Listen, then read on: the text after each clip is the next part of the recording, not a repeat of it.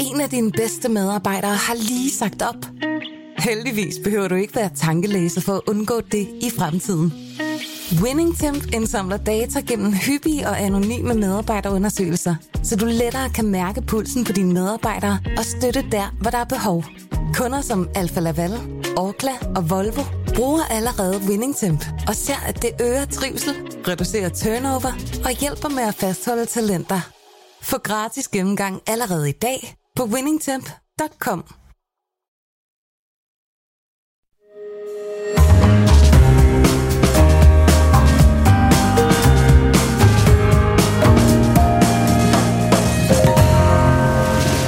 Du lytter til Korto og Steno, en podcast fra Berlingske. Det har længe været et øh, statsligt ønske, at danskerne skal spise sundere, grønnere og bedre. Og den bedste og billigste måde at gøre det på, det er ved, at vi laver vores mad selv. Men det gør vi ikke, det gider vi ikke. Så øh, udviklingen den går faktisk den modsatte retning. Færre og færre danskere kan lave mad, og øh, den fremtid, hvor nye boliger slet og ret simpelthen ikke har noget køkken, fordi ingen skal lave mad, ja, den er måske ikke så øh, langt væk. Det taler vi meget mere om om godt øh, 20 minutter med direktør i madkulturen Judith Køst, der kommer på besøg her. Velkommen, mit navn er Torben Steno. Og jeg hedder Jarl Korto, og vi skal selvfølgelig også se, om vi kan finde en oplagt modtager af ugens fidusbamse. Og det gør vi til sidst i den her time, når vi gennemgår stort og måske også lidt småt fra den indlandske politiske scene, der er jo præget af, at vi venter på at få en ny regering. Og ja. hvis du nu sidder inde med et øh, godt bud på en modtager af Fidusbam, så skriv til os på vores Facebook-side, Kort og Steno, hvor du selvfølgelig også kan stille spørgsmål og kommentere på løjerne her de næste par timer. Ja, og vi er jo altså øh, midt under de her langstrakte øh, forhandlinger om en ny regering, og det gør det ikke nemt for øh, de nyvalgte folketingsmedlemmer at deltage i debatter, før de faktisk ved, hvad for et ordførerskab de har, eller hvad for en regering de eventuelt skal pakke op om. Men, øh, og, og, og mange af de genvalgte, de øh, ved ikke, om de kan fortsætte som ordfører på deres gamle områder. Så øh, derfor er vi nu meget stolte og glade for, at det er lykkedes os at få besøg af to rutinerede herrer, der tør debattere øh, selvom at vi ikke har nogen regering. Øh, og det vi skal diskutere, det er, hvad Danmark skal stille op med det presserende problem, det er, øh, og som den nye regering bliver nødt til at tage stilling til. Hvad skal vi gøre med, at Danmark sakker langt bagud i forhold til Øh, de andre NATO-lande, der det handler om at leve op til kravet om at spendere 2% af BNP på forsvaret. Og de to modige mænd, det er fungerende udenrigsordfører for SF, Carsten Hønge, og fungerende forsvarsordfører for Venstre, Lars Christian Lilleholdt. Velkommen. Lars Christian Lilleholm, hvor, de, de, altså, er du ikke ret sikker på, at der bliver nødt til at ske noget på det her område, og der skal graves dybt i, det, i øh, statskassen for at få nogle penge til øh, afsat til forsvar. Her nu lige så snart vi har fået en regering. Det bliver en af de første opgaver efter et folk. Det bliver en af de første opgaver efter øh, det folk, efter, efter, efter vi har ikke efter folketingsvalget. Det, det har vi afholdt. Ja, men efter, efter det, var en, det var en gammel retorik. Men øh, efter at vi har øh, fået dannet øh, en eller anden form for regering, så tror jeg, at det her det bliver øh, den første opgave, at den nye regering kommer til at kaste sig ud i. Det bliver at indlede forhandlinger om et øh, nyt forsvarsforlig. Det nuværende det udløber 1. januar 2024. Vi har lavet det nationale kompromis øh, i bred enighed, øh, også med, med SF og med en række andre partier, og som jo giver sikkerhed for, at vi kommer op på 2% øh, senest i 2033. Vi ser det meget, meget gerne før. Øh, og jeg håber jo også, at det vil kunne lykkes øh, at forhandle sig frem til, at vi når de 2% før. Der er lige kommet en rapport fra NATO, som jo blandt andet peger på, at det går lidt for langsomt med at nå de 2%. vi får lidt kritik der. Så derfor det her, det bliver et af de spørgsmål, vi kommer til at diskutere meget, meget snart. Men så, jeg skal lige, hvor, hvor, hvor mange penge, og hvor, hvor, skal de tages fra? Jamen altså, nu er der jo, der er jo fundet en model at finansiere det øh, efter en form for, kan man sige, man, man trækker lidt over på, på kontoen øh, de kommende år. Overtræk, og, og, og, og, og, så, og så lykkes det jo alligevel også på en økonomisk forsvarlig måde at, at komme op på de 2%. Vi ser gerne, at det kommer til at ske i et, et lidt hurtigere tempo, end det, der er lagt op til, og gerne inden 2030. Carsten Hønge, vil du være med til det? Nej, Nå. det synes jeg ikke, der er nogen grund til. Altså, vi har lavet en aftale, hvor der ligger en plan for, at vi skal op på de 2% inden øh, 2033, og jeg synes i forvejen, at det er en meget hurtig indfasning rent faktisk. Så at gå hurtigere til værks, det ser jeg ikke nogen grund til. Hvorfor egentlig ikke? Der ligger den her NATO-rapport. Ja. Øh, vi, har, vi, har, vi har forpligtet os. Altså, er det 1,39 procent af BNP? Det er det, vi i skrivende stund øh, bruger på, øh, på forsvaret. Ja, og mit svar er, at der skal være fornuft i det her. Altså, der skal være fornuft i, hvordan vi bruger pengene. Og det der ræs, som øh, nogle lande har kastet sig ud i, blandt andet Tyskland, ved med det samme at sige, at de allerede jo inden for det første år vil bruge de her 100 milliarder mere, det viser sig at være stort set umulige at omsætte på en fornuftig måde. Altså, når landene opruster, og det gør de med god grund i de her år, så er det også klart, at så bliver der et enormt træk efter alle varer på alle hylder, øh, og øh, det giver ikke mening at forsere det der, fordi øh, varerne bliver ekstremt dyre, fordi der er en med efterspørgsel efter det. Så jeg synes, det er bedre, at vi lige slår koldt vand i blodet og siger, at nu laver vi en øh, økonomisk fornuftig indfasning af stigningen. Hvad, nu siger, fordi du siger, at vi skal vente til, der er fred i hele verden, og ikke vil købe våben, så kan vi få dem billigt, eller er det det? Ej, jeg synes faktisk, det er en hurtig indfasning at sige, at vi skal helt op, på, vi skal helt op bruge 18 milliarder mere inden 2033. Det synes jeg, der er en uh, markant indfasning. Og helt ærligt, der er der ikke noget, der i øjeblikket taler for, at det skal gå hurtigere, andet end at NATO, som i altid jo ønsker, at tingene skal gå hurtigere, og som i altid synes, vi skal bruge flere penge. Altså det har NATO og USA jo argumenteret for i overvis. Der er ikke noget som helst forandret i det, og selvfølgelig brokker NATO, så det gør de jo altid, hvis ikke alle lande kommer op. Danmark ligger faktisk meget fint i feltet. Danmark ligger fint i feltet. Kunne I ikke også bare indtage den der vent og se holdning, ligesom vi har i regeringsforhandlingerne, og så se, hvordan det... Nej, nu, nu, nu vil jeg sige sådan, uh, en, en til regeringsforhandlingerne, noget andet det her, hvordan vi får øh, skruet et uh, nyt forsvarsforlig uh, sammen. Altså, uh, som vi ser det, uh, så er både kritikerne fra NATO af, men jo også når vi kigger på, hvordan ser det ud, hvad er det for en standard, dansk forsvar har. Mm. Blandt andet på ammunitionssiden har det jo været fremme i uh, mange medier, og det har også, har også været fremme uh, politisk, at der er vi på mange områder uh, meget, meget uh, langt nede i lager. Der er brug for, at vi får de lager fyldt op. Uh, der er på materialesiden også brug for, at vi kommer ud og får uh, foretaget nogle indkøb. Uh, der skal måske købes flere fly. Uh, der skal mere uh, tung materiel uh, til.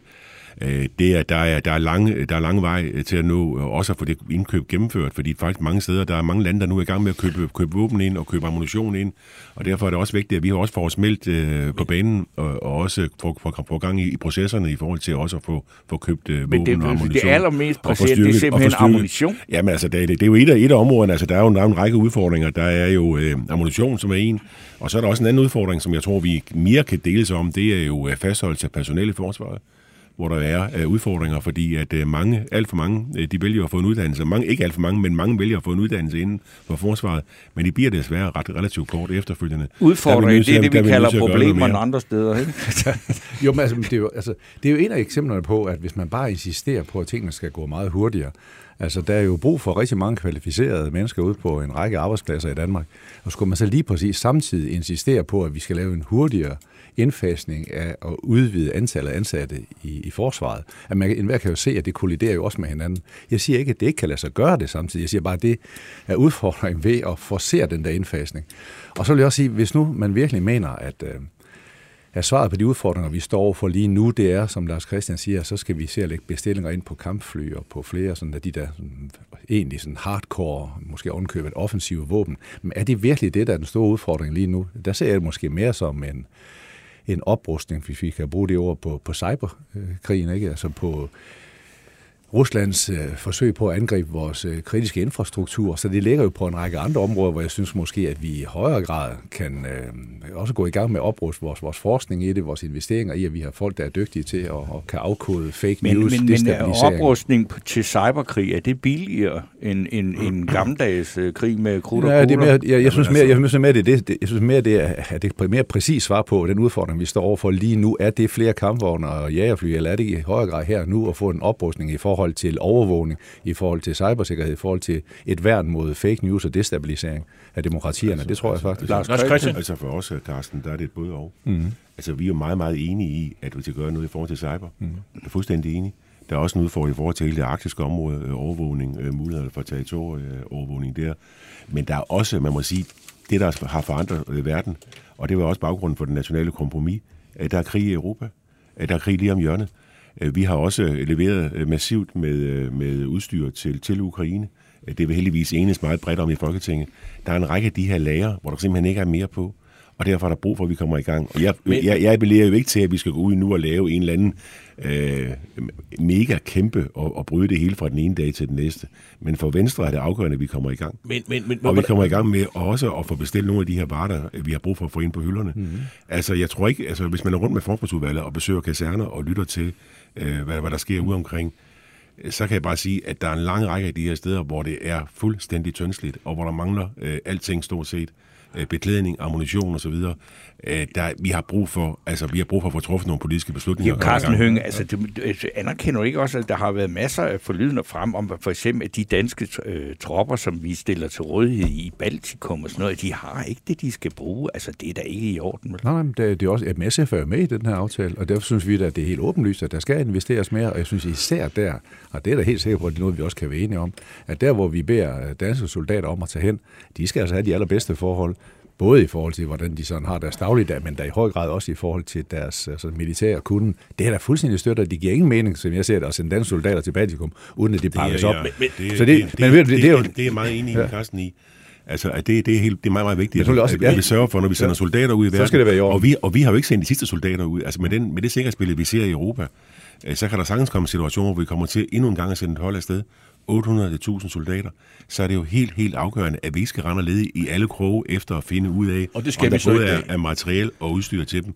Det skal bare være der, og det skal bare være 100% men, i orden. Men jeg tænker på, nu er der gået et halvt år, altså hvad er der sket i det sidste halvår? Jamen, altså, vi, har, vi har jo, jamen, altså, altså, der, altså, der, kom, der, har ikke, kom lige pludselig en, en papkasse ned øh, dumpende, og forsvarschefen han sagde, at han havde ikke noget at bruge penge Nej, til. Men, altså, vi har jo presset på øh, stort set lige siden. Øh, der har ikke været et møde i forsvarsforligskredsen. Nu har vi sagt, at der er nu kommet i gang med nogle forhandlinger. Øh, og så først i valgkampen øh, kommer forsvarsministeren frem og siger, at nu er han faktisk parat til som en af de første opgaver efter et folketingsvalg, så frem til den siddende regering i den nuværende form, og han også kommer til at fortsætte på posten, at øh, så er man parat til at indkalde til forhandlinger. Det tager jeg som en åben dør. Og derfor så nu er opgaven ikke at se tilbage på, hvad der skulle have været sket de sidste halve år. Nu er opgaven at komme i gang med det, nogle forhandlinger. Det er egentlig, men, men, det jeg godt kunne tænke mig at høre, Lars Christian, jeg synes, det som Carsten siger, Carsten Hønge siger fra SF, det, og som andre også siger, Altså, man kan jo ikke sådan trylle materiel op, øh, som Nej. ikke er produceret, og der står, der er en, øh, øh, alle mulige andre lande, der stormer ind og vil købe, og det presser bare prisen op og så videre. Og ammunition, øh, ja, vi fik jo, øh, det er jo et spansk firma, som ikke kan levere og så videre. Øh, kan I oplyse os om her, om der, er, der, er, der, er der fundet nogle alternativer? Nej, men der er jo der er masser af udfordringer. Det, det, problemer. Problemer, ja, udfordringer, problemer. Ja, du kald, kald, kald det nu, hvad du vil. Jeg synes, du kalder det for problemer, man ikke har, altså, man ikke har ammunition. Der, der, der, der, er masser, der, der er masser af problemer og udfordringer. Men det, det, det værste af alt, det er da bare at sidde med korslagte arme og sige, jamen det er da ligegyldigt. Altså, vi venter bare og ser. Jeg synes, det, det er vigtigt at få truffet nogle politiske beslutninger. Det er vigtigt at få så øh, meldt ind i kampen i forhold til også at, få fat i både ammunition og, og tunge materiale. Kan det ske? Og, og det kan sagtens. Altså, det, jeg ved jo godt lige i øjeblikket, vi er jo i en super uh, trist situation. Der er krig i Europa. Det er også det, der har ændret hele uh, grundlaget for dansk forsvars- og sikkerhedspolitik. Det er, at vi står i en anden situation nu, end vi gjorde for bare uh, 7-8 måneder siden. Det kan alle se. Uh, og det kan enhver se, og det kræver politisk handling. Vi har sendt uh, massivt med udstyr til, til Ukraine. Der er på en række områder, hvor det faktisk hvor lærerne ser relativt tomme ud. Mm. Der er brug for, at vi får, vi får gang i at få, at få foretaget nogle indkøb. Men jeg har, jeg, jeg har sådan to andre pointer. Den ene det er altså, at forsvars- og sikkerhedspolitik er alt muligt andet end det der hardcore indkøb af, af kampvogne og kampfly og jægersoldater. Det er det også, men det er også alt muligt andet. Mm. Altså reel sikkerhed det er også et spørgsmål om forsyningssikkerhed i forhold til energi. Det er også et spørgsmål om fødevaresikkerhed. Det er også et spørgsmål om en, en, en offensiv diplomatisk indsats. Det er også et spørgsmål om en aktiv bistandspolitik. det, det er det ikke et argument Men det tæller bare ikke i, i, i NATO-regnskabet med de 2% ja. BNP. Gør det det, og det kan, noget, af, noget af det kan det godt gøre det i forhold til i hvert fald Men det, i, det, det er ikke, hvordan du regner. Det er, hvordan NATO regner. Ja, det, er vi enige om det? Nej, altså, Jens Stoltenberg bliver ikke imponeret af det. Nej, men, men i forhold til, øh, til, til det, man kan kalde en oprustning i forhold til cybersikkerheden, så, så, så kan det, så, så tæller det jo med. Men vi bliver da nødt til at have en, en seriøs og også tage den de tid, det tager og, og aftale, hvordan får vi en reel sikkerhedspolitik. Det er det ene. Og det andet er, den her erfaring, vi kan have, og det gælder ikke kun i Danmark, det gælder vist i alle lande, hvis man bare sender kasser med penge over til forskellige landes forsvar, også i Danmark, så kan man jo ikke være sikker på, at det bliver brugt på den mest fornuftige måde. Altså forsvar har jo også en opgave i at drive den virksomhed så effektivt som muligt og så økonomisk ansvarligt som muligt. Jeg synes, vi har årtiers erfaringer med, at vi kan ikke bare sende penge til forsvar, for pengene skal nok blive brugt, men det er ikke sikkert, at det bliver omsat på den mest effektive måde. Nej, men, men, Lars Christian Lillehold. Men, men, men vi kan ikke bare sidde med, med hænderne over kors. Øh, der er brug for, at der bliver truffet nogle politiske beslutninger. Og jeg er sådan set også enig i, at vi kan jo ikke bare gå ud og købe ind med arme og ben, og det er heller ikke det, vi ønsker. Det vi ønsker, det er, at vi kommer i gang med den her proces kommer i gang med at leve op til de NATO-mål, der er. Jeg synes, den seneste rapport, der er kommet fra NATO, den viser, at der er i allerhøjeste grad brug for, for handling. Vi kan ikke bare passivt se til, at øh, NATO peger på, at der er en række af de kapaciteter, blandt andet opbygningen af en, en, en ekstra brigade, at der er vi langt, langt bagefter, at i forhold til på en række områder, i forhold til materiel, i forhold til, hvad vi kan, og også i forhold til vores indsats i Arktisk, at der er der også brug for en yderligere indsats. Altså, der er en række områder, der peges på, og det er vi simpelthen nødt til at tage seriøst. Og det her er jo, øh, planen er jo, at det er jo ikke en, en et eller to eller treårig periode. Det, der lægges op til, det er jo en, et længere forlig, måske op til 10 år, øh, og, og, og så kan man sige, så er det jo mere at have de lange briller på, men det, men det nytter ikke noget bare at sætte sig ned og vente, at, at tingene øh, ændrer sig. Det gør de ikke. Vi står i en ny uh, sikkerhedspolitisk situation, uh, som kalder på, at uh, vi også handler fra dansk side. Det gælder i forhold til materiale, men jeg er også, jeg også parat til at et af de mere emner, som er vigtige for os, det, er, det er værnepligten. Vi skal indkalde flere værnepligtige. Er det, og vi skal, og vi skal, have, og, og, og, og, vi skal have en længere værnepligt. Det er i forhold til fastholdelse af, af personel, som jeg også synes er, er vigtigere. Der er cyber, som, som Carsten var inde over, og øh, veteraner og hjemmeværn osv. Der er en lang række områder, øh, og jeg synes, for, der, for længe er der blevet siddet på hænderne, nu er der brug for, at øh, der også bliver gjort Hønge, vi skal lige høre værnepligt. Men vi har ikke lagt os fast på, hvordan vi skal fordele øh, midlerne i, i forhold til det, vi har aftalt. For, for os har det været det vigtigste, at vi får her et meget bredt forlig. Vi er seriøst interesseret i SF til at blive en del af det kommende forsvarsforlig. Det signal har vi jo sendt tydeligt ved at være med til det her store nationale kompromis om det. Og øh, det tror jeg faktisk, det er en af de meget opløftende ting i, i den her proces, det er, at så mange partier øh, kan gå sammen om noget så vigtigt, også fordi det betyder så enorme, øh, altså enorme økonomiske investeringer, og det betyder så meget for Danmarks sikkerhed, at det er godt, at vi her har solide forlig, der trækker hen over, men, hen over midten. Men, men, men er, der noget, er der noget, I udelukker på forhånd? Altså flere kampfly, er det, er det no-go for jer? Øh, øh flere infanteri, øh, hvad hedder det, og øh, værnepligtige, det, det går ud for, det, det er måske flere infanteribataljoner, øh, artilleri, øh, søværnet skal have nogle missiler osv. Er der noget af det her, som, øh, som I siger, det kan vi ikke være med til? Og vi synes, det er alt for tidligt at lægge os fast på, hvad der kan være. Men altså, et eksempel på hvor noget, hvor vi kan sige, der synes vi måske, det er at gå i den forkerte retning, det er, når de konservative insisterer på, at vi skal have, have ubåde. Der vil jeg så nok ubåde. sige... Ja, det er vel de konservative. Ja, men nu er de konservative blevet Nej, lille men, det er et eksempel på, det er et eksempel på noget, hvor man spiller ind, hvor, hvor vi så siger på forhånd, uden at vi udelukker noget på forhånd, så siger vi alligevel, det synes vi måske er en dårlig idé, for det vi kan, kan, hvor vi for eksempel i den anden retning synes, at det er vigtigt for os, at vi sådan ser sikkerhedspolitik meget bredere, end vi er vant til. Altså, sikker, mm. reelt sikkerhedspolitik, ikke bare snakke om sikkerhedspolitik. Det tror jeg også, det er meget andet, de fleste gør, men det er lige de der uge... Nu handler det her... Altså, bare for...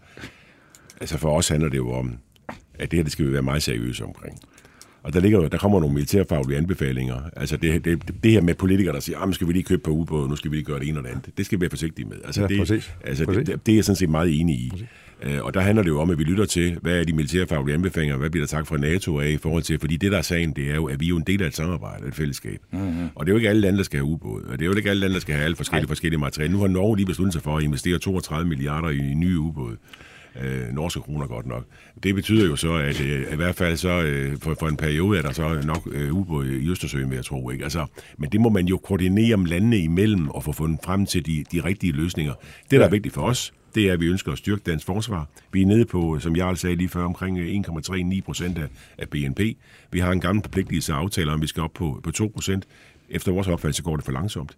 Vi så meget, meget gerne, at vi som en del af den her, øh, efter et valg kunne blive enige, eller efter den kommende regeringsdannelse, øh, kunne blive enige om at komme op på de 2% i et lidt hurtigere tempo, så vi slipper for den kritik, der er fra NATO, og ikke bare for at slippe for den kritik, men fordi vi står i en sikkerhedspolitisk situation, hvor der er brug for handling. Men, men, men Lars Christian Hitholdt, øh, om kan, måske kan vi være heldige at, at lege en ubåd eller to af nordmændene til sin tid, når det har fået dem bygget. Det har vi gjort før, hvis det, hvis, hvis det er aktuelt.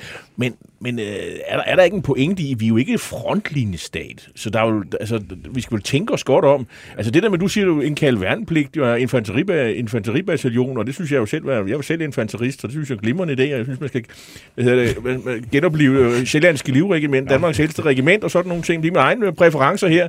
Øh, andre har ubåde. Men, men, men, men, men, men, men sagen er, men sagen er, sagen er jo, Sagen er, nu er artilleri. Ja, jeg var Sagen er, vi er jo ikke frontlinjestat, så det er, vel ikke, det er vel ikke så påkrævet, at vi skal have uddannet infanteribataljoner. Øh, det er vel mere sådan noget med med søværnet og, og, og fly og sådan nogle ting. Det er vel der, det er vel der tyngden er, er det ikke det? Ja, men der, tyngden det kommer til at ligge mange steder. Jeg tror, vi kommer til at kigge på at, at udvide værnepligten. og også at indkalde flere værnepligtige, og det er selvfølgelig i forhold til at sikre et stærkere dansk totalforsvar, men det er også i forhold til at kunne rekruttere øh, flere unge øh, til videre uddannelse inden for forsvaret. Der må man sige, at vi kommet ned under 5.000 værnepligtige nu. Øh, Det er et relativt lavt antal, meget lavt Så antal, er- også, også historisk Så det er set. rekrutteringskrone, vi skal også, have også, også rekrutteringskrone, Blandt fordi ja. at, øh, og også i forhold til synlighed af forsvaret alt i, i flere dele af landet. Øh, Jeg bor selv på et område på Fyn, hvor der i dag er 41 ansatte inden for forsvaret, ud af godt og vel 20.000. Vi kunne som godt bruge et par ekstra, og en lidt mere synlighed i det også. Men vigtigst af alt, det er, at øh, det handler om at styrke vores forsvar, og så handler det om, i forhold til, at vi har brug for, at flere unge mennesker har lyst til at tage en uddannelse inden for forsvaret. Men det der lyder er alligevel, synes jeg, hvis vi skal lave konkurrence. Altså, hvis I kan nå hinanden, og det kan I nok godt, med, hvis I giver og tager lidt og sådan noget, så, så, så, så bliver der lavet et forlig om det her ganske hurtigt, det, næsten uanset hvad for en det regering det, det, vi vil, får. det vil jeg håbe, der gør, fordi at, øh, jeg synes, at det er meget, meget vigtigt, at dansk øh, forsvars- og sikkerhedspolitik bygger på et øh, bredt grundlag i Folketinget. Det giver sikkerhed mange år frem i tiden. Det er mange penge, der skal til. Det er store investeringer, og derfor er det vigtigt, at der er brede aftaler. Og ja, nu lader jeg lige pludselig, pludselig så slår det mig, at det er jo to fynboer, vi har siddende her. Ja, ja. Fynske, er livregi- fynske, fynske livregiment blev nedlagt i, i 1990'erne. Det kunne være, det var det. Hønge, Hønge, han er bare valgt på Fyn. Han er ikke Carsten- Fynborg. Han kan ikke snakke sprog. Det kan Lillehold Carsten. Hønge, hvad er den sidste kommentar til det her? Er du enig med Lars Christian Lindholm, det ender med et forlig, og I skal nok være med os? Jamen altså, vi går ind i de her forhandlinger selvfølgelig med et totalt åbent sind om, hvordan vi får det her skruet sammen. Altså, det gør vi. Altså, øh, altså det, at SF er med i det store nationale kompromis, er for os et tydeligt signal om, at vi, vi synes, det er vigtigt, at vi bakker op øh, i fællesskab. Det er kæmpe investeringer, det er kæmpe betydning for Danmarks sikkerhed. Øh, og derfor vi også bakker op om de beslutninger, der bliver taget i NATO, men vi skal gøre det på en snusfornuftig måde. Vi skal ikke sådan for, for ivre os, så vi kommer til at bruge pengene helt forkert, og vi skal bruge pengene så tænksomt og så ansvarligt som muligt, og vi skal gøre det i en, i en sådan gennemtænkt strategi. Det kan være, det bliver Godt. simpelthen en, en, en del af hvor I, en regering, hvor I, hvor I begge to er med. Det ved man jo Det er, aldrig. Det får ja. vi jo se. Og de konservative, der kan man lege en uge på til dem i Norge, kalde den for Søren Pape. Tusind tak, fordi I kom, øh, og held og lykke med øh, regeringsforhandlingerne og alt det andet, øh, ordfører, Ja. fordeling og så videre. Tak, Øh, tak. tak Det er godt, der er, er nogle få, der tør tale frit, øh, indtil vi får en regering. God.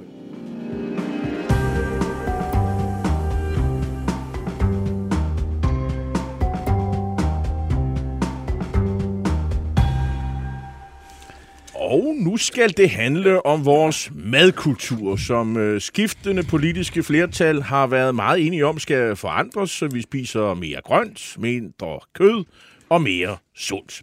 Og den billigste måde at gøre det på, det er ved, at folk laver deres egne måltider hjemme i køkkenet. Men til trods for disse øh, tilskyndelser, så gør vi det ikke, og vi gør det i mindre og mindre grad. Det går faktisk den modsatte vej. Det er politikerne ønsker. Færre og færre kan overhovedet lave mad, og flere køber takeaway. Og jeg vil også sige, for min egen regning, øh, da, da, da der var covid, så fik det, det der takeaway, det virkelig, det, det, det, der, der spiste man endnu mere. Men øh, nu har vi...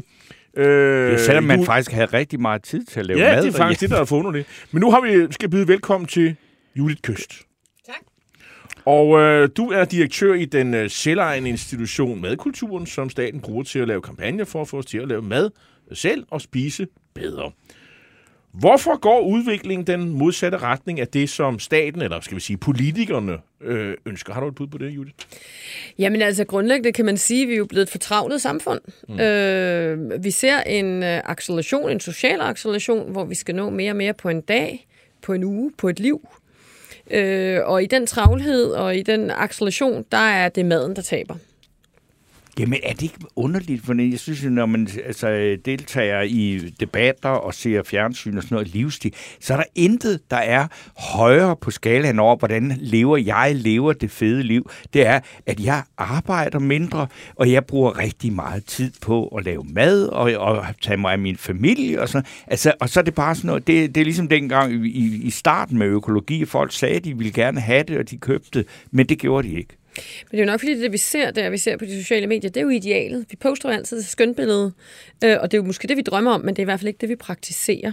Altså, vi ser øh, fuldstændig det modsatte. Vi ser folk øh, mindre og mindre mad fra bunden.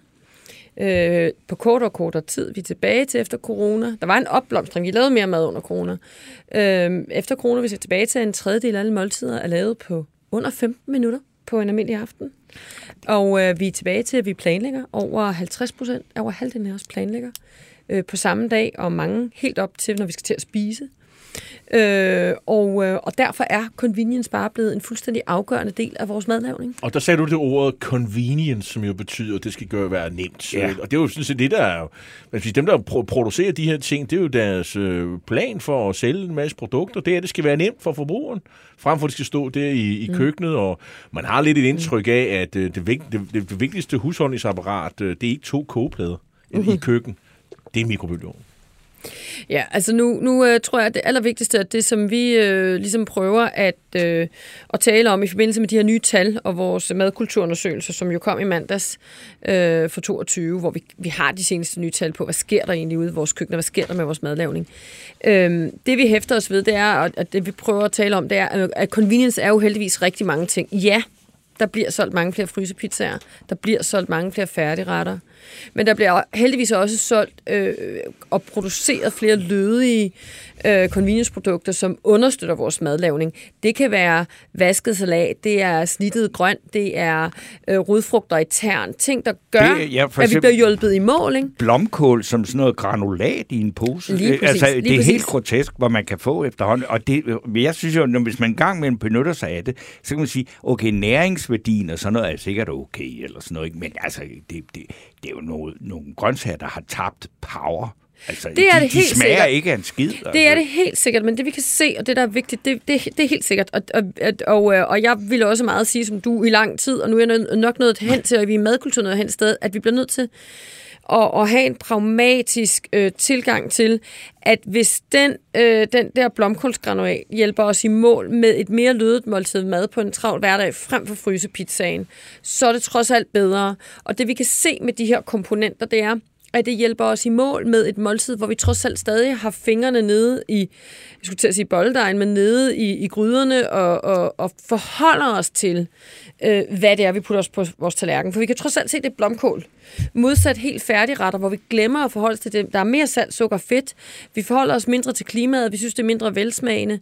Så, så det der med at få nogen øh, komponenter, nogle muligheder, der hjælper os i mål, men hvor vi stadig er med til at tilvirke vores eget måltid, og ikke bare erstatte det. Men, men så, altså, sådan som udviklingen, den retning, det går i, det vil så sige, altså, at om 30 år, så er hjemmelavet stude hvidekål, det er sådan noget, man skal se på et museum. Uh, hvis vi ikke gør noget, ja, Jamen, det hvad, går gør, jamen, hvad kan du gøre, for folk gider jo ikke? Jamen, jeg ved ikke, om de ikke gider. Uh, jeg tror, det handler meget om, at... Eller de øh, kan heller ikke lave mad Nej, mere, og vel? der, der siger du noget meget vigtigt. Det er nemlig færdigheder, der begynder at gå tabt. Og jeg tror, det er nøglen til det hele. Øhm, interessen er faktisk relativt stor.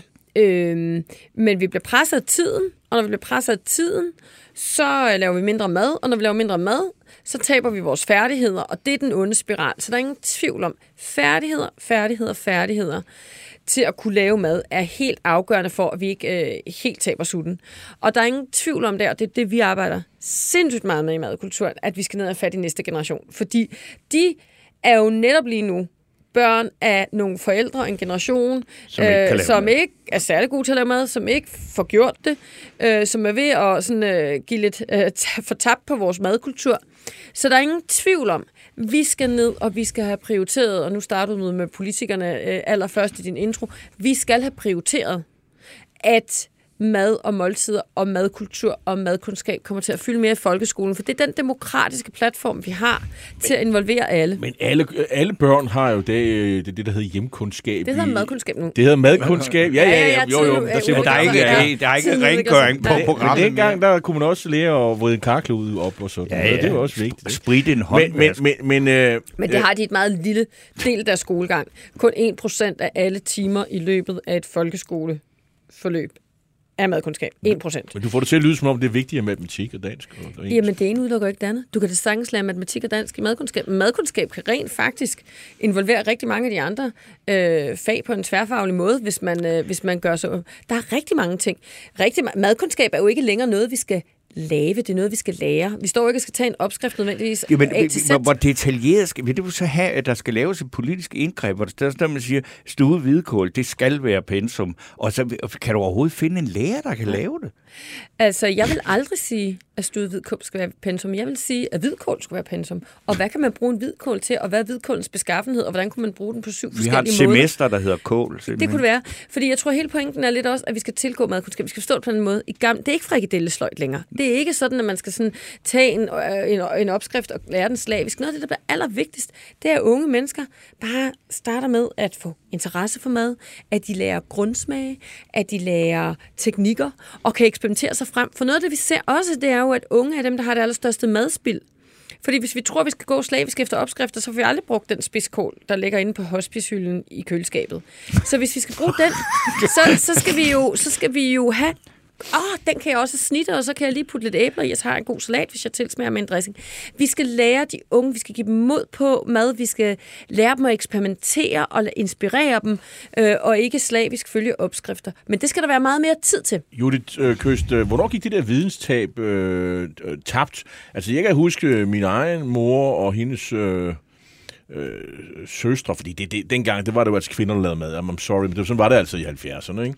Og, øh, og, og, og, det, og de havde jo lært at lave mad af deres mor, mm. som havde lært at lave, som var opvokset på en gård. Altså de, man syltede og slagtede, og man gjorde alt muligt forskellige ting, og man lavede selv sin far, så kødhakkemaskine, alt muligt. Øhm, og, og, og man lærte at stege, og alting fra bunden og så videre. Men øh, jeg har ikke indtryk af, at... Øh, jeg har godt nok en kone, der, der også er af den generation. Hun lærte det også i sin mor. Men jeg har indtryk af, at, at, at det, det er simpelthen ved at fade ud stille og roligt. Mm, øh, tager fejl? Nej, det gør du ikke. Og hvor, og hvornår gik det tabt? Jamen, det har jo været sådan en, en glidende overgang, kan du sige, efterhånden som øh, accelerationssamfundet kommer, vi har haft mere og mere travlt. Og i øvrigt parallelt med det, at, at industrien jo selvfølgelig har været god til at komme med alternativer, der er lettere. Nu er det jo ikke længere bare øh, flåede tomater. Det var en stor revolution engang. Flåede tomater på dåse, ikke? Ja. Nu er det jo alt muligt. Altså, convenience er jo blevet meget, meget bredt. Øh, og, øh, og, og det, der jo er sket, den der over overførsel af viden og kompetencer og færdigheder i køkkenet, det, det har vi set over en lang periode. Øhm, men det går stærkt nu. Altså før corona målte vi, øh, at, at på en almindelig given aften, der var 15 procent af børn med i køkkenet. Så under corona, så steg det. Altså der var mange gode ting ud over ting. Men det var fordi, man ikke kunne komme ud, jo. Ja, og så lavede man mere. Og det viser jo, det er sådan set en prioritet, noget vi gerne vil. Så komme mange flere børn, altså 20 procent af børn med øh, i køkkenet på en almindelig hverdagsaften. Og nu er det, hold godt fast, 9 procent. Men børnene skal de ikke ud af køkkenet? De larmer og vælter ting Nej, ned og sådan noget. Altså, men, men, altså. men nu, hvis nu børnene kommer med ud i køkkenet nu, så er det, de kommer ud, og så ser de far og mor åbne nogle halvfabrikater og lave noget blomkålsgranulat og sådan noget. Altså, den der med, at man, at man får lært, det vil sige, at man får lært at omgås industriens mm. produkter. Jamen altså, det, jeg, jeg tror i sidste ende, så bliver det jo, øh, så bliver det jo ikke enten eller, det bliver både og, sådan bliver fremtidens køkken. Det tror jeg simpelthen, vi bliver nødt til at indse. Øhm, men der er heller ingen tvivl om, når vi kun har 9% øh, med i køkkenet, at sige, at vi laver verdens øh, bedste tiltag, og så bliver det 15%. Der så taber vi stadig 85 procent. Så jeg bliver nødt til at gå tilbage til, at en rigtig, rigtig vigtig platform bliver øh, grundskolen, folkeskolen, som er jo et rigtig, rigtig altså sted, hvor alle kan blive mødt med dannelse og, mm. øh, og, og mødt på lige fod. Øh, vi laver også store indsatser i efterskolerne, faktisk, fordi et, et, en, fjerde, en tredjedel af alle unge går på efterskole nu, så der laver vi rigtig meget omkring efterskolernes køkkenskab. Så vi skal møde de unge og børn der, hvor de er øh, kollektivt. Øh, vi kan også godt se, at det er der, de fatter størst interesse, det er, når man laver mad sammen. Så det er ude på de arenaer, at vi skal møde de unge. Altså, jeg kan huske en gang, det er godt nok mange år siden, der var jeg ude øh, sammen med Mick Schack og lave sådan et madshow på en øh, erhvervsskole. Og øh, der var godt nok ikke nogen stor interesse blandt øh, de studerende der for øh, rosenkål og stiklever. Mm-hmm. Det skal jeg love, for de vil ikke engang smage på det. Mm. Så jeg, er det ikke virkeligheden der, man skulle altså, man sige, hvis man går på en erhvervsuddannelse, så skal man altså have kål på et semester, samtidig med, at man lærer øh, alle mulige håndværksmæssige ting i andre sammenhæng. Fordi det er der, vi har den gruppe, som øh, kører helt i grøften i forhold jo, til altså, vi prøver faktisk også, det, du har fuldstændig ret, erhvervsskolerne er også et rigtig, rigtig vigtigt fokusområde, og hvad de får at spise, det er også, hvad de laver. Nu taler du, når du taler om, at de skal det mellem hænderne, så er det jo selvfølgelig mest de, de madfaglige øh, uddannelser, håndværksfaglige, madfaglige uddannelser. Øh, man kan integrere det i selve uddannelsen, men der er jo også rigtig mange, der spiser der, og der er ingen tvivl om, at, øh, at der har vi også en stor udfordringer med, med, med masser af energidrikke og masser af, øh, af alt øh, muligt, der er mindre nødigt. Så det er en vigtig platform platform også der, men det er alle ungdomsuddannelser. Det er folkeskolen, det er efterskolen, det er erhvervsskolerne. Vi skal gøre meget mere på alle de her platforme, for det er der, vi kan møde børn og unge. Jeg lærte at lave med på aftenskole i sin Men altså, Nå, men det, nu skal du høre her. Annie Hedegaard skriver, at det handler om prioritering. Alt kan ikke puttes ind under travlhed. Folk gider ikke. Det er et bevidst valg. Brian Fyn skriver, en færdigret i Fakta koster i dag 32 kroner. Jeg kan ikke lave frikadeller med brun sovs Nej. til samme pris. Øh, det er, jo- smagen er måske heller ikke øh, Nej, det, men det, det det samme, men det har været godt til hjemmelavet. Øh, Olav Overgaard Nielsen skriver, jeg lærte at lave mad, da jeg i 70'erne flyttede på kollegium. Det var nødvendigt for at være med i madklubben. I dag bor de fleste studerende i lejlighed i den indre by og lever af takeaway. Ah, der bor vel stadig ikke nogen på, på, på kollegiet, men det, det kan godt være, at de spiser takeaway hver for sig. Det, det, kan, det skal jeg ikke kunne sige. Men ja, ja, Øhm, så skriver Brian Fyn, jeg indstiller madmor, det må være dig. Er Dusbamsen, hun lyder som min hjemmehjælper og elsker jeres optimisme. øh, jeg ved ikke, om hvor, hvorfor du lyder som hans hjemmehjælper, men det kan... Det, det, øh, jeg tror, det var, det var positivt ment. i Ja, det tror jeg også. Jeg vil gerne have en fidusbamse.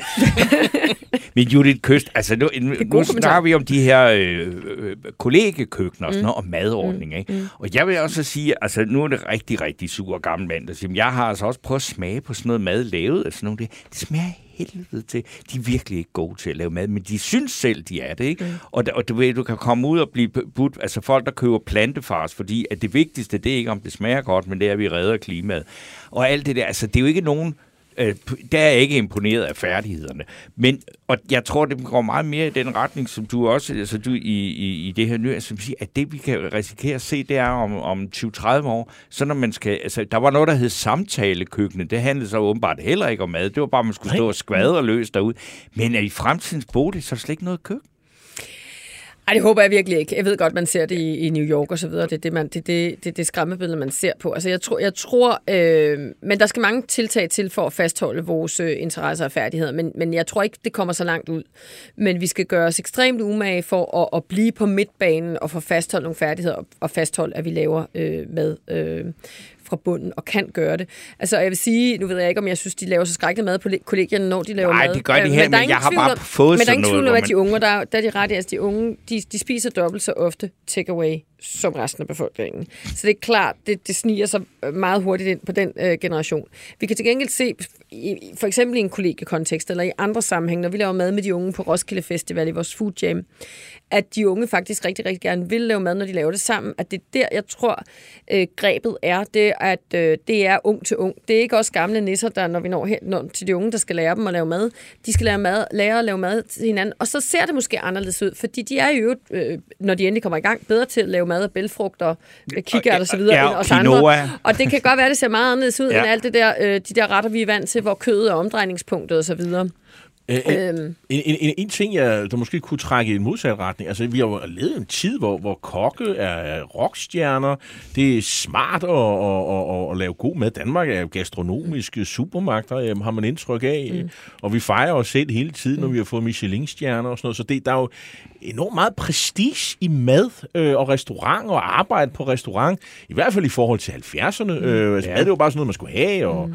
og i, i det hele taget er mad, når man går ud og spiser, og, altså niveauet bare tårnhøjt, og det, mm. man har indtryk af, at det bliver meget højere og højere og højere. Så det, det er det underlige som, og så spiser vi så åbenbart, når vi kommer hjem, noget, noget helt andet, der er knap så godt. Mm. Øh, øh, kunne, man, kunne man aktivere nogle af de her rockstjerner, eller øh, superkokke, og, og, og, og Jamie Oliver, der, altså, det er fyldt med, med, med tv-udsendelser ja. med Jamie Oliver, der lærer umulige, udulige unge mennesker at, at, at lave mad. Mm. Det kunne man bestemt godt, og det gør vi sådan set også. Øhm, med, og, og rigtig mange kokke vil rigtig gerne videreformidle deres, øh, deres øh, evner og, og, og, og færdigheder. Øh, for det første er det vigtigt at sige, at de fleste af dem har jo travlt med også at afvikle et køkken, så de kan godt dukke op til nogle aktiviteter her og der, men det er jo ikke deres primært, det er jo ikke deres primære, øh, hvad skal man sige, øh, beskæftigelse, og det er også det her med, altså skal, vi skal finde nogle områder, hvor det også kan være rentabelt for dem alle, tror jeg, fordi kokke er så dygtige, jamen, så vil de gerne stille gratis op ude i skoler. De skal også have smør på brød, og rest, altså hele den sektor er sindssygt presset. Så ja, vi skal lade os inspirere af dem. Øhm, vi skal lade os inspirere af gastronomien. Øhm, det vindue, der er til, at det er dem, der overfører kompetencer til de unge, det er rigtig svært, og unge lærer det ikke af at se det på tv, det bliver jeg nødt til at sige. Så er der en anden ting, jamen, det gør de ikke, og det er det, der er udfordringen, at de lærer det af at stå med fingrene ned i bolledejen, og særligt med hinanden. Det, man kan sige, det er også, at gastronomien kan nogle gange være svært overførbart, men mindre vi putter ned i nogle meget øh, ned på flad fod øh, øh, greb, vi kan bruge. Fordi det er også noget af det, vi tror den anden vej rundt, der kan, der kan skabe præstationsangst. Altså når vi ikke har særlig gode færdigheder, nu mere øh, perfekte retter, du ser på Instagram, desto sværere kan det være selv at opnå det ideal. Så det handler også om, at, at det skal være nogle nogle øh, meget nemme og pragmatiske greb fra gastronomi, vi skal tage og overføre. Men det gør vi så også, vil jeg sige. Altså hele den nordiske bølge gjorde jo, at vi fik, at vi har fået mere kål, vi har fået mere spelt, vi har fået flere sådan, øh, basis nordiske ingredienser ud i vores, men de skal oversættes, så det er noget, vi kan bruge i vores hverdagspraksis. Godt. Jamen, uh, tusind tak, fordi du kom, uh, Julie Køst. Uh, du er fornøjelse. direktør i Madkulturen, Madkulturen. der prøver på at få os alle sammen til at lave mad. Uh, og det vil vi så gå hjem og gøre nu. Godt! Ej. Sådan, og lær det også. Tak fordi du kom. Fornøjelse, tak.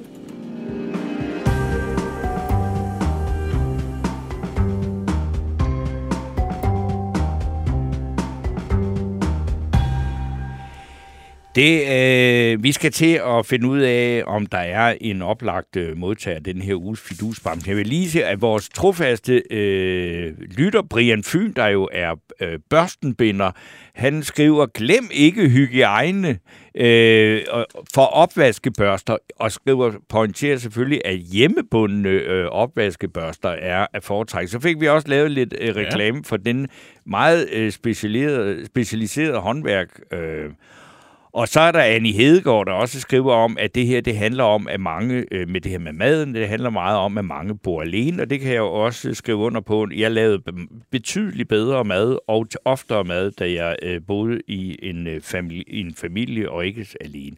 Så øh, det er fuldstændig korrekt, og det er der også øh, statistisk bevis for. Så er det så, at vi skal til at snakke om øh, ugens fidusbamse. Og jeg ved ikke, jeg synes ikke, der er nogen kandidat, der sådan er, viser sig som værende sådan særlig oplagt, men jeg synes, jeg vil gerne nævne, altså, at jeg, jeg beder politikerne lige i øjeblikket, hører vi ikke så meget til dem, fordi der er, regeringsforhandlinger, ikke? men kan I ikke øh, prøve at stramme en lille smule sprogligt op? Mette Thiesen, som nu er blevet løsgænger efter at have været valgt for nye borgerlige, og så er blevet stærkt uvenner med resten af partiet, hun skriver på sin Facebook-side, at hun vil knokle hver dag. Mm. Og så er det, man siger, når over det der knokle, altså jeg ved ikke, hvad det er, du skal knokle med, Mette Thiesen. Vil du ikke prøve at, at beskrive, hvordan din arbejdsdag går, med, hvordan du knokler? Og så vil jeg i øvrigt gerne sige til alle andre politikere, lad være med at bruge det der udtryk, fordi at knokle, for mig, der ser jeg sådan et billede for mig af nogle korsetfanger i en stribet dragt, der står i et stenbrud. Det er at knokle.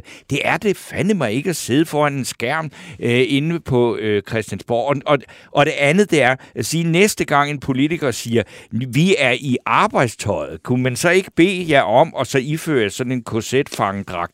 Øh, fordi jeg, det er sprogligt simpelthen for slapt. Og tror I, at vi som øh, lytter, skulle jeg lige til at sige, men altså som borgere, synes, at det, at det, det lyder rigtig godt, det der med at knokle? Altså, der, hvis man slår op i øh, ordbogen danske sprog, så, så står der person, der slider hårdt i det og arbejder meget. Ja. Øh, der står ikke noget om koncentrationslejr. Nej, nej, men, men det er så øh, det billede, jeg får. ja, ja. At knokle, det er noget med, at man er fuldstændig sådan svedt og ødelagt og får en skål suppe, når man er færdig, ikke? Lidt i den samme afdeling. Jeg faldt over noget her øh, på, på, på LinkedIn forleden dag over øh, Kent Damsgaard, der er administrerende direktør for Forsikring og Pension, altså en brancheforsikring for Forsikring og Pension.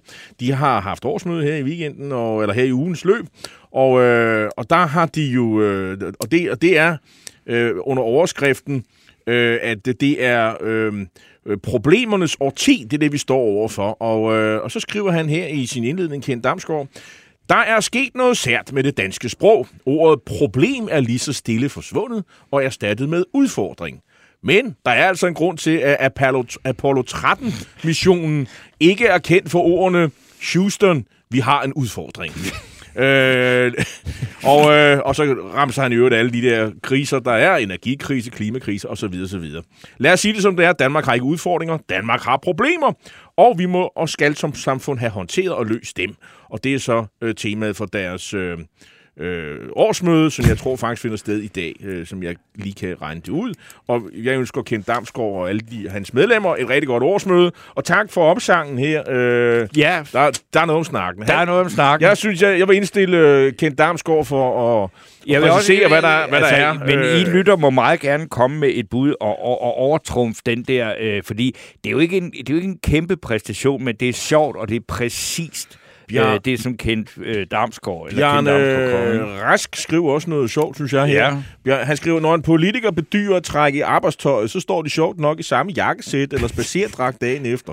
Ja, det er, der, det er du altså noget om, Ja, det er øh, sjældent, de får en plet på. Ja, ja, ja det, det Men er der... øh, vi, vi skal også vi skal, vi skal lige runde en, øh, en mangeårig politiker øh, på den danske scene, øh, nemlig øh, tidligere social- og indrigsminister Karen Ellemann, som nu har valgt at knokle for 125.000 kroner om måneden som øh, ny øh, udsprungen generalsekretær for Nordisk Råds ministerråd. Ja. Og øh, det er jo, for, eller ikke Nordisk, men Nordisk Ministerråd hedder det jo så.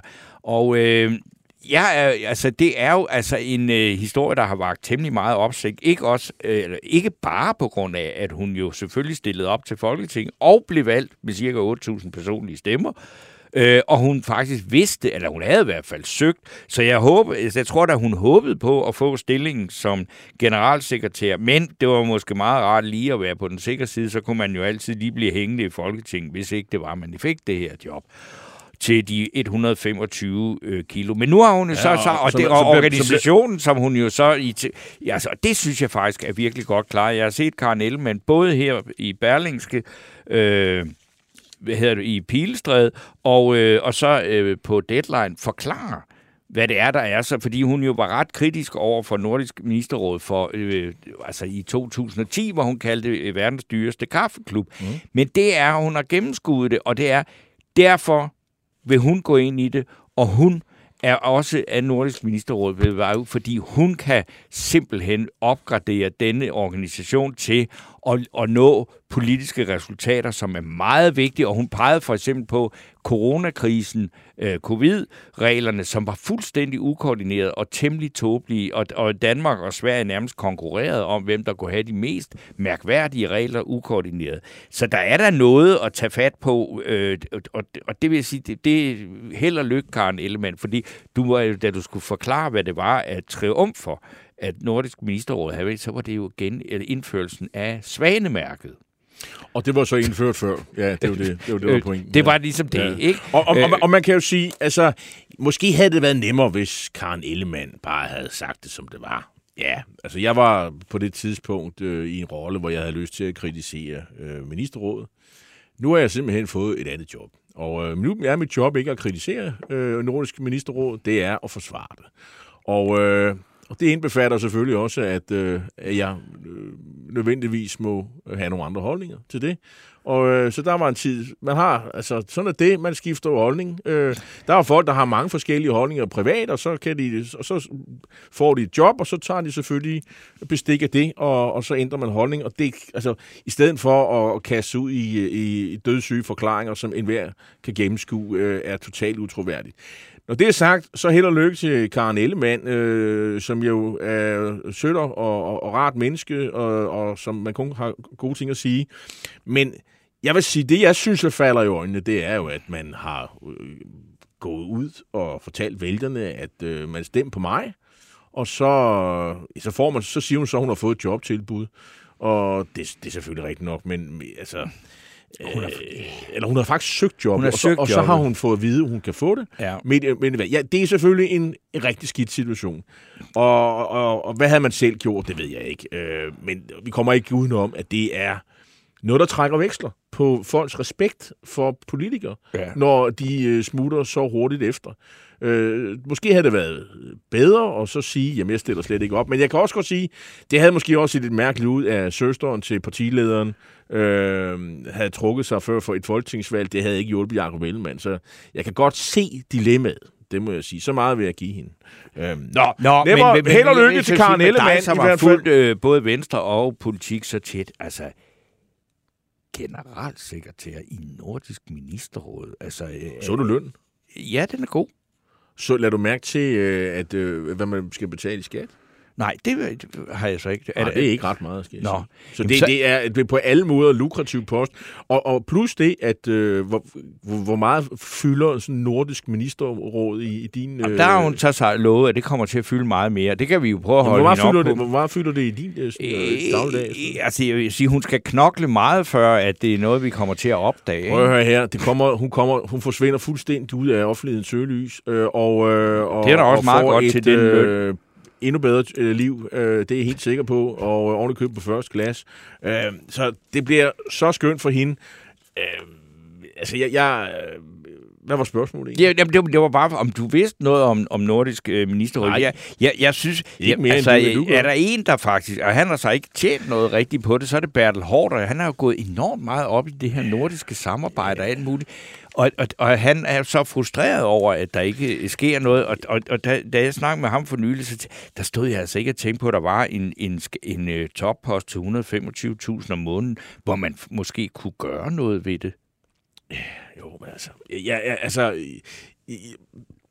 Jeg, føler, Nordisk Ministerråd fylder ikke i mit øh, hoved. Ok. Øh, og, jeg, og jeg ved ikke... Altså, jeg synes jo, de skal gøre noget ved arbejdsmarkedet, Øresundsregionen og sådan nogle ting. Det synes jeg er fornuftigt. Ja. Så uddeler de en, litteraturpris og sådan noget. Jeg ved ikke rigtig, hvor de skulle samarbejde mere. Altså, det, altså det, det, det der er jo sådan... Sagen er jo, at det reelle samarbejde, det foregår i EU. Ja. Ikke? Altså, øh, og, og, og de nordiske lande er en klub, og, og EU er, Norge er jo de facto med i EU, fordi de er jo stort set... Øh, De gør, som der bliver sagt. kolport- de laver simpelthen den lovgivning øh, i deres eget parlament, som, og uden at have indflydelse på det, som, som gør, at de kan sælge deres varer. De tilpasser med enkelte undtagelser, eller med markante undtagelser naturligvis, men, men eller andet sted er de jo øh, associeret medlem af EU. Men ved du hvad, Torben, vi skulle måske Ja, tale om okay. det, der er politisk interessant, nemlig det, det landsmøde, der kommer her i weekenden. Fordi, Ja. øh, som mange jagttager har peget på, så er det jo Venstre, vi, vi venter på. Øh, hvad, hvad will Venstre? Øh, og øh, jeg har det indtryk af, at partiet er sådan en del, i hvert fald i organisationen blandt medlemmer, nogenlunde midt over i spørgsmålet om, hvorvidt man skal gå med eller ikke gå med. Folketingsgruppen er, er delt over. Øh, jeg tror, at det afhænger jo, og det ved vi slet ikke noget om, hvad regeringens tilbud i sidste ende er til Venstre. Og, øh, og de får jo ikke noget tilbud på den her side af, af landsmødet. Landsmødet skal jo øh, på en eller anden måde overstås. Øh, andre jagttager peger på, at, det er jo et øh, landsmøde, hvor Venstre har fået en kæmpe røvfuld. Men det fylder ikke på samme måde, fordi Venstre er blevet et, øh, det parti, som øh, sidder i nøgleposition, hvor man jo hvor den politiske øh, fremtid jo for Danmark og for os alle sammen jo egentlig bliver afgjort, hvad, hvad, man, hvad man beslutter sig for. Og det beslutter man sig først efter, når man har fået et tilbud fra regeringen, som er tilpas attraktivt, eller det modsatte, mm. og, og så vælger man der, og, og det kommer ligesom til at, og, og, og, hvad skal man sige, bestemme retningen, bestemme øh, strategien for Venstre fremadrettet. Vil man være en opposi- et oppositionsparti, øh, benhårdt, hammerne, eller, eller vil man gå, indgå i, for, i aftaler, eller vil man i regering? Det, der er, er helt sikkert, det er, at Venstre får sindssygt meget indflydelse. Fordi øh, det er Venstre, at Socialdemokratiet vil samarbejde med. Hmm. Men når man går i regering, det er det, der er usikkert. Jeg kan se argumenter for både det ene og det andet. Øhm, og jeg tror ikke, og, det, og der er helt sikkert ikke truffet nogen beslutning. Men at Venstre er meget fristet, mm. det er der heller ikke nogen tvivl om. Jeg tror, altså, hvis jeg må en gang, for en gang skyld blande mig i alle de der forudsigelser, altså, eller jeg, ved- jeg ved ikke, hvad, hvad det bliver, men jeg, jeg synes, det lyder fornuftigt. Altså, at øh, Venstre, Socialdemokraterne, og så bliver de nødt til at bide det sure æble og tage Lars Lykke med, fordi så er der et flertal, og, øh, og så når, og, og, og, og, og tag dog også bare de radikale med, eller et eller andet, fordi det vil være en fin øh, periode, hvor der er nogle kæmpemæssige, samfundsmæssige problemer, som, de skal, som skal løses. Blandt andet sundhedsproblematik. Men, og men det kan være vi ikke løse stor- uden, når man går i regering. Det, det ved jeg ikke. Jeg, jeg, jeg, øh, jeg er lidt øh, hooked på det, det må jeg sige. Og fordi at jeg synes, at det er jo... Det, når jeg ser på de politiske forskelle mellem for eksempel Socialdemokraterne og Venstre, så er de jo meget, meget mindre end de personlige modsætninger. Vi kommer ikke til at tale så meget om Søren Gade, for- fordi tiden løber, og øh, vi, jeg tror, vi taler videre om Vi taler om videre i- næste ja, uge. Men. Søren Gade er jo blevet valgt som, øh, til formand for Folketinget, og på trods af, at han har jo et øh, lang liste af af gamle sager fra øh, hans øh, ministertid for 12 år siden. Han har været ind og ud af Folketinget. Han har været i Landbrug og Fødevare, øh, hvor han jo pludselig fandt ud af, at han skulle måske være, folketings- eller være formandskandidat for Venstre. Så røg han ud derfra. Ikke kun på grund af det, men formentlig også. Øh, så har han været i Europaparlamentet, hvor han har gjort, hvad han kunne for ligesom at øh, køre sin egen øh, dagsorden, uafhængig af Venstre. Og nu er han kommet tilbage i Folketinget, hvor alle er glade for ham, og synes, han er altid er skuttermand. Øh, på trods af, at øh, der ligger lige her gamle sager, og jeg hæfter mig specielt ved den der sag, hvor han jo Altså, vi kan jo hvor han, hvor han, i- hvor han ifølge, hvor han ifølge FE-chef øh, og talte over sig til en masse journalister, Ja. og, øh, og, og, og, og, og så lå han sin spindoktor tage skraldet, og han endte jo så med at... Ja, der kom, han blev selvfølgelig ikke dømt. Øh, det, var- Google-oversættelsen til arabisk, som var Mange fabrikeret i ministeriet øh, selv. men, altså, øh, der er jo mange, men for mange mig ting, er- der lugter. For mig at se, så, hænger det, så har jeg svært ved at se, at man er sådan en altid skuttermand, når man, når man, når man, når man dummer sig, og lader sin spindong tage skraldet, og, og, og så, og, og, altså det har jeg svært ved at se, sådan, at så er man en altid fyr. Sådan noget. Men, men, Men det, du- er, det synes mange mennesker. Det jeg, er jeg synes det hårdeste, øh, stærkeste politiske argument i vores dag. Ved du, hvad det er? Det er, hvis du lige, lige fælder en tårer og bliver lidt bevæget i en eller anden aftenshow, eller sådan, noget, så alt tilgivet, Ja. så har du næsten uindskrænket magt over folk. Fordi tårer, det er et rigtigt menneske. Nu- En, en blød mand, som øh, og, øh, elsker sine børn og alt det der. Så er der hul igennem. I næste time skal vi snakke Ukraine med Jacob Korsbo, vi skal snakke atomkraft med Hans Jørgen Nielsen, der er en masse myter omkring det, og vi skal snakke om kulturkanonen i Sverige. De har fået, der er udbrudt kulturkrig, øh, fordi at den svenske regering øh, øh vil indføre en, en, en kulturkanon efter dansk forbillede. Øh, jeg håber, vi høres efter, og i mellemtiden så spiller vi et eller andet musak, øh, som vi ikke skal betale kodeafgifter øh, til. Øh, vi høres ved. En af dine bedste medarbejdere har lige sagt op. Heldigvis behøver du ikke være tankelæser for at undgå det i fremtiden. WinningTemp indsamler data gennem hyppige og anonyme medarbejderundersøgelser, så du lettere kan mærke pulsen på dine medarbejdere og støtte der, hvor der er behov. Kunder som Alfa Laval, Orkla og Volvo bruger allerede WinningTemp og ser, at det øger trivsel, reducerer turnover og hjælper med at fastholde talenter. Få gratis gennemgang allerede i dag på winningtemp.com.